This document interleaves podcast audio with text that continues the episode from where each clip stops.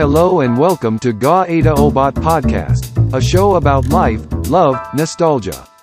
Taste your own medicine. Now, here is your host, Binsar, Peros, and Yan.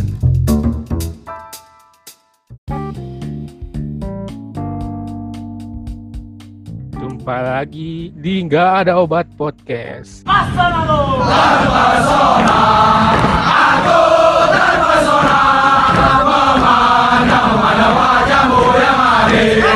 Kali ini kita seolah-olah nge-review nih, nge-review limited seriesnya dari Netflix, The Queen's Gambit. Udah pada nonton kan? Udah bos, sudah. Nah, Dah. menurut kalian kayak, kayak mana lah itu? Apakah kalian menjadi fanboynya Beth Harmon? Kalau aku sih enggak. Kenapa? Satu, aku ber- berharap kayak kayak seriesnya Sherlock gitu. Maksudnya gini, ini kan tentang catur. Jadi seorang anak orphan child belajar catur sama janitor. Mr. Shable? Iya, Mr. Shable dan dia dibantu dengan vitamin apa halusinatif ya. Aku nggak tahu itu. apa itu ya? Obat penenang. Oh, Nah, tranquilizer obat ya, tranquilizer gitu ya Iya. jenisnya ya. Ah, ah. Jadi dia obat penenang dan memiliki efek samping bisa memfokuskan pikiran. Nah, itu kan dibuktikan dengan si Elizabeth, si Beth Harmon ini ngelihat membayangkan papan catur di atap langit-langit. Nah, aku di situ berharap dia menjelaskan secara perlahan aja gitu loh. Misalnya dibuka nih Queen's Gambit itu kan openingnya itu opening chess dan aku baru baru baru tahu juga ternyata opening chess tuh banyak Sicilian Defense juga macam-macam lah gitu. Nah di situlah kekurangannya kalau menurutku. Beda kita kalau misalnya nonton Good Doctor sama Sherlock. Kalau kita nonton Sherlock kita tahu nih kenapa sih seorang Sherlock itu bisa sociopath functioning. Dia bisa ngelihat, dia bisa membaca gerak-gerik orang gitu. Dan itu di- ditampilin cara sinema sinematografinya kan. Nah begitu juga dengan Good Doctor. Episode pertama Good Doctor tuh itu kan seru. Kenapa bisa sampai terjadi penghambatan di jalur pembuluh darah. Jadi kita tahu. Sementara kalau di Queen's Gambit ini kita nggak tahu yang namanya Queen's Gambit. Memang ya kalau orang yang udah paham catur, kita tahu tuh Queen's Gambit itu adalah opening yang dimulai dari pion di depan Queen. Nah, tapi kan ada lagi yang lain-lain gitu. Kenapa harus begini? Jadi aku sampai nonton di episode terakhirnya yang ngelawan orang Rusia itu aku sampai ngepost kenapa dia pilih jalan ini. Jadi aku harus ngepost, ngepost, ngepost gitu. Nah, itu yang membuat aku nggak begitu tertarik. Denied. Enggak kamu nikmatin nggak? Tanya. Enggak, enggak dapet momen itu gitu loh. Momen kita bisa menjadi seorang Beth Harmon juga gitu. Kalau Le Binsar lah, coba. Kalau Le Binsar gimana? Kalau aku pribadi ya, sebagai orang yang nggak terlalu suka serial, bisa ngikutin itu sampai habis, itu nilai plus yang makanya film ini booming. Aku rasa di situ satu. Alur ceritanya, itulah dia kehidupan kita. Nyatanya ya seperti walaupun dia fiksi kan. Fenomena di zaman sekarang juga seperti itu, walaupun dia ngambil sketnya di zaman lalu. Akhirnya dia dimasukin ke panti, di panti dia ditemukan sahabat yang menyarankan pil yang warna hijau itu yang disimpan untuk dimakan terakhir. Ya itulah nyata kalau aku bilang ya gimana dia tiba-tiba diangkat sama keluarga dan ternyata keluarganya itu juga bermasalah. Kompleks sebenarnya. Film itu cukup menarik perhatianku sampai terakhir gitu. Dan ketemu si Beth Harmon ketemu dengan lawan-lawannya itu semakin mem- mengasah kemampuan dia kan ketemu sama yang di lokalnya itu terus di akhirnya dia ketemu sama yang cowboy itu dan akhirnya dia bisa sampai melawan Rusia dan ternyata scan Rusia itu itu kan di awal ya dibuatnya kan yang dia tiba-tiba dari Itu scene Paris itu, itu Paris. Ya, di Paris yang dia kalah gara-gara dia mabuk Jadi itu kan- habis teler. Itu oh iya, alur iya. mundur. habis basian habis basian Paris Iya, gara-gara iya, ngikutin si si Mary ya si Mary memang Kima itu si Mary itu ya Iya. Ya ketemunya kan di tempat siapa itu juga si cowboy itu juga pertama kali. akhirnya mereka mabai mabai bareng bawa sama dua cowok fakta loh ya fakta yang pertama itu game online catur itu bertambah banyak pemainnya gitu You serious? iya kalau menurutku sendiri Queen's Gambit ini kenapa orang banyak yang suka karena memperlihatkan chess itu benar-benar ini loh stereotipnya itu olahraga yang ngebosenin. Terlalu geeky terlalu nerd. Mengangkat woman empowerment juga kan? Di masa Ya. itu tur itu sendiri itu masih didominasi oleh kaum Adam lah ya. Lelaki. memberi warna baru dan memberi harapan baru dan, dan menjadi aspirasi baru buat kaum Hawa lah pada masa itu. Dan dia juga merevolusi dunia catur kayaknya dialah orang pertama yang menjadikan catur sebagai profesi utama gitu. Gimana dia kan tampil glamor sebagai pemain catur gitu. Sampai di beberapa kali di media itu kan dia sering dicap ini eh, Anda itu terlalu glamor sebagai pemain catur.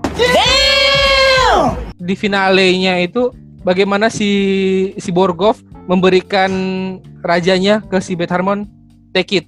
Secara sportif sang juara yang setelah bertahun-tahun itu willingly to ini to to admit that he he's losing ya kayak gitu kan. Di universe-nya aja itu benar-benar jadi kayak cultural phenomenon lah dia situ si Beta Harmon ini sendiri. Di masa perang dingin olahraga itu meleburkan perbedaan kayak gitu loh. Jadi nggak peduli biarpun dia orang Amerika yang secara ideologi politiknya mereka itu ya berlawanan ya berseberangan ya. Sampai di endingnya terakhir itu yang seharusnya dia pergi ke bandara malah melipir. Main ya catur. ke taman kota ke taman kota. Dan orang-orang tahu dia itu. Kakek-kakek sana itu opung-opung sana itu ngeliat dia eh betul hormon Ah, pokok kok Rabot jadi ska, aksen Batak gitu. kau jadinya. Haranggaul cabang Moskow itu. Oh my god! Kayak gitu. Jadi itu benar-benar epic lah. Di endingnya sendiri itu udah udah epic banget kayak gitu. Dan pas di scene terakhir itu kan dia pakai ini kan eh, outfit serba putih Ya, itu merepresentasikan seorang queen di catur, queen putih di catur. Karena yang putih always move first. Dan yang terakhir benar yang dibilang si Ian itu. Kalau aku pribadi ya, memang skin yang terakhir itu adalah skin paling komplitnya dia. gitu. Yang sudah hampir putus asa, datang seorang sahabat lama, sahabat gitu. Nggak, nggak kita duga-duga itu. Membuka pikirannya, membantu ya. Akhirnya yang ngasih uang untuk dia berangkat itu kan dia kan. iya, ya. jadi Dia si Jolin itu harusnya buat untuk uang kuliah dia tuh kan. Iya, iya, kuliah dia. Wah itu bener-bener sih kalau aku bilang. Seolah-olah itu memang kisah nyata gitu ya. Cuman dia memerankan dengan baik gitu. Kalau nggak salah itu ada peran dari Kasparov untuk buat film itu. Itu ada peran Kasparov untuk membuat kayak kayak kalau misalnya buat film-film komedi itu ada Ari Kriting yang buat gimana supaya bagian-bagian lucunya nampak. Nah ini Kan nggak ngesin yang Borgov tuh minta istirahat dulu. Istilahnya adjour kalau nggak salah. Tamonnya Ajor. Ah, Ya. adjourn itu. Oke, nah adjourn itu aku benar yang kayak dibilang kalian dua bilang bahwa nonton Queen's Gambit ini interest kita terhadap catur tuh makin meningkat gitu. Jadi aku sampai searching Google ternyata adjourn itu ya draw, tapi menariknya setiap adjourn itu orang yang mengatakan adjourn tuh harus nulis langkah apa berikutnya. Jadi nggak boleh lagi dia untuk eh, eh, mengganti langkah yang udah dia tentukan di pikiran dia gitu. Yang diletak di dalam amplop Iya. itu kan, Tak- masih ingat kan? Kalau si Borgov sama tim Rusia lain tuh diskusi-diskusi, dia dapat telepon dari Amerika kan gitu. Dari New York ternyata teman-temannya udah pada ngumpul untuk ngasih tahu di situ solusi bila si Borgov main ke sini begini kamu harus hafalin gitu kan. Nah, kita kan di situ fokus bagaimana cara mainnya itu satu. Yang kedua, dia ngelihat langit-langit di tempat main dia di Rusia sampai orang-orang pada bingung termasuk si Borgov nih anak ngapain nengok langit-langit kan gitu. Main Ingat nggak mapping kalian gitu sih? dia. Iya, Hmm. main mapping. Iya. Nah, kalau di Sherlock tuh namanya kan apa? Mind Palace. Kalau dari sisi cerita lain seperti From Hero to Zero, uh, Woman Empowerment, uh, Life Crisis, bisa balik turning point, itu bagus ceritanya gitu.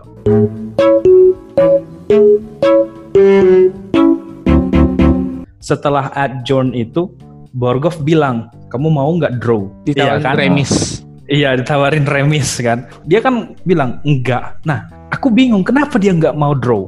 Karena itu ambisinya perhitungannya dia. udah jelas. Perhitungannya Iya, udah jelas bahwa dia memang di atas memang saat itu. Tunggu tunggu. So, enggak maksudku gini. Borgov tuh pada saat itu dia udah pertemuan yang ketiga kali kan. Yang di Meksiko Iya, Meksiko kalah dia.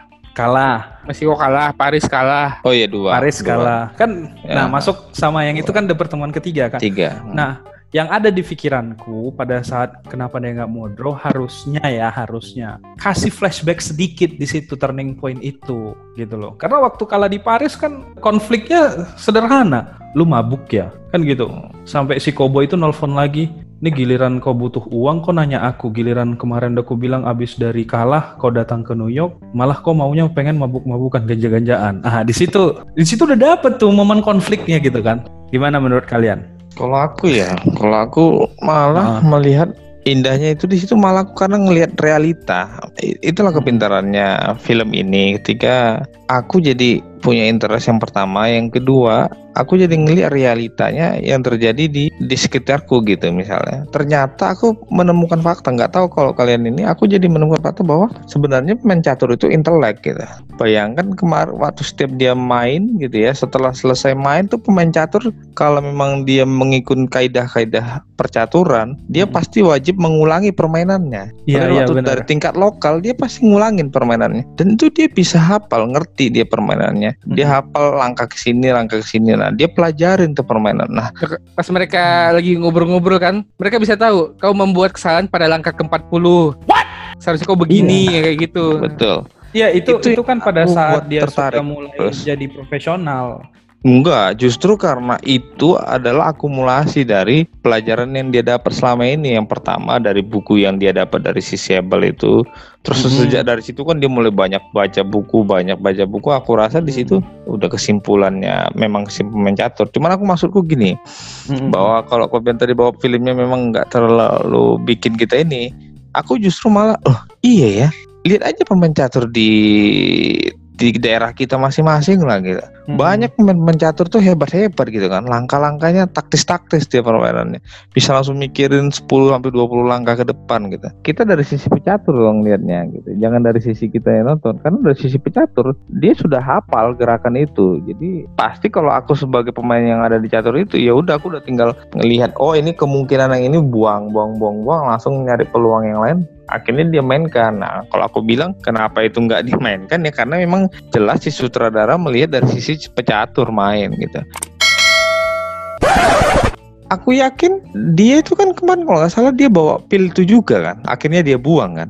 Iya Nah, benar. itu aku menunjuk, aku mau bilang itu film itu pada saat itu menunjukkan bahwa dia mampu mengalahkan rasa takutnya. Mhm, Aku mhm. rasa dari situ peluangnya. Akhirnya dia bisa menunjukkan bahwa ternyata bayangan itu bisa datang juga gitu tanpa harus memakai pil itu gitu. Dan di situ momennya sih yang aku paling ini uh, paling dapat. Kita kan biasa itu merasa wah kan udah biasa harus ngerokok dulu baru bisa lebih pede atau minum dulu biar bisa lancar ngomong. Akhirnya suatu saat kita paksa nggak ah, ini bisa atau enggak ternyata bisa gitu. Nah itu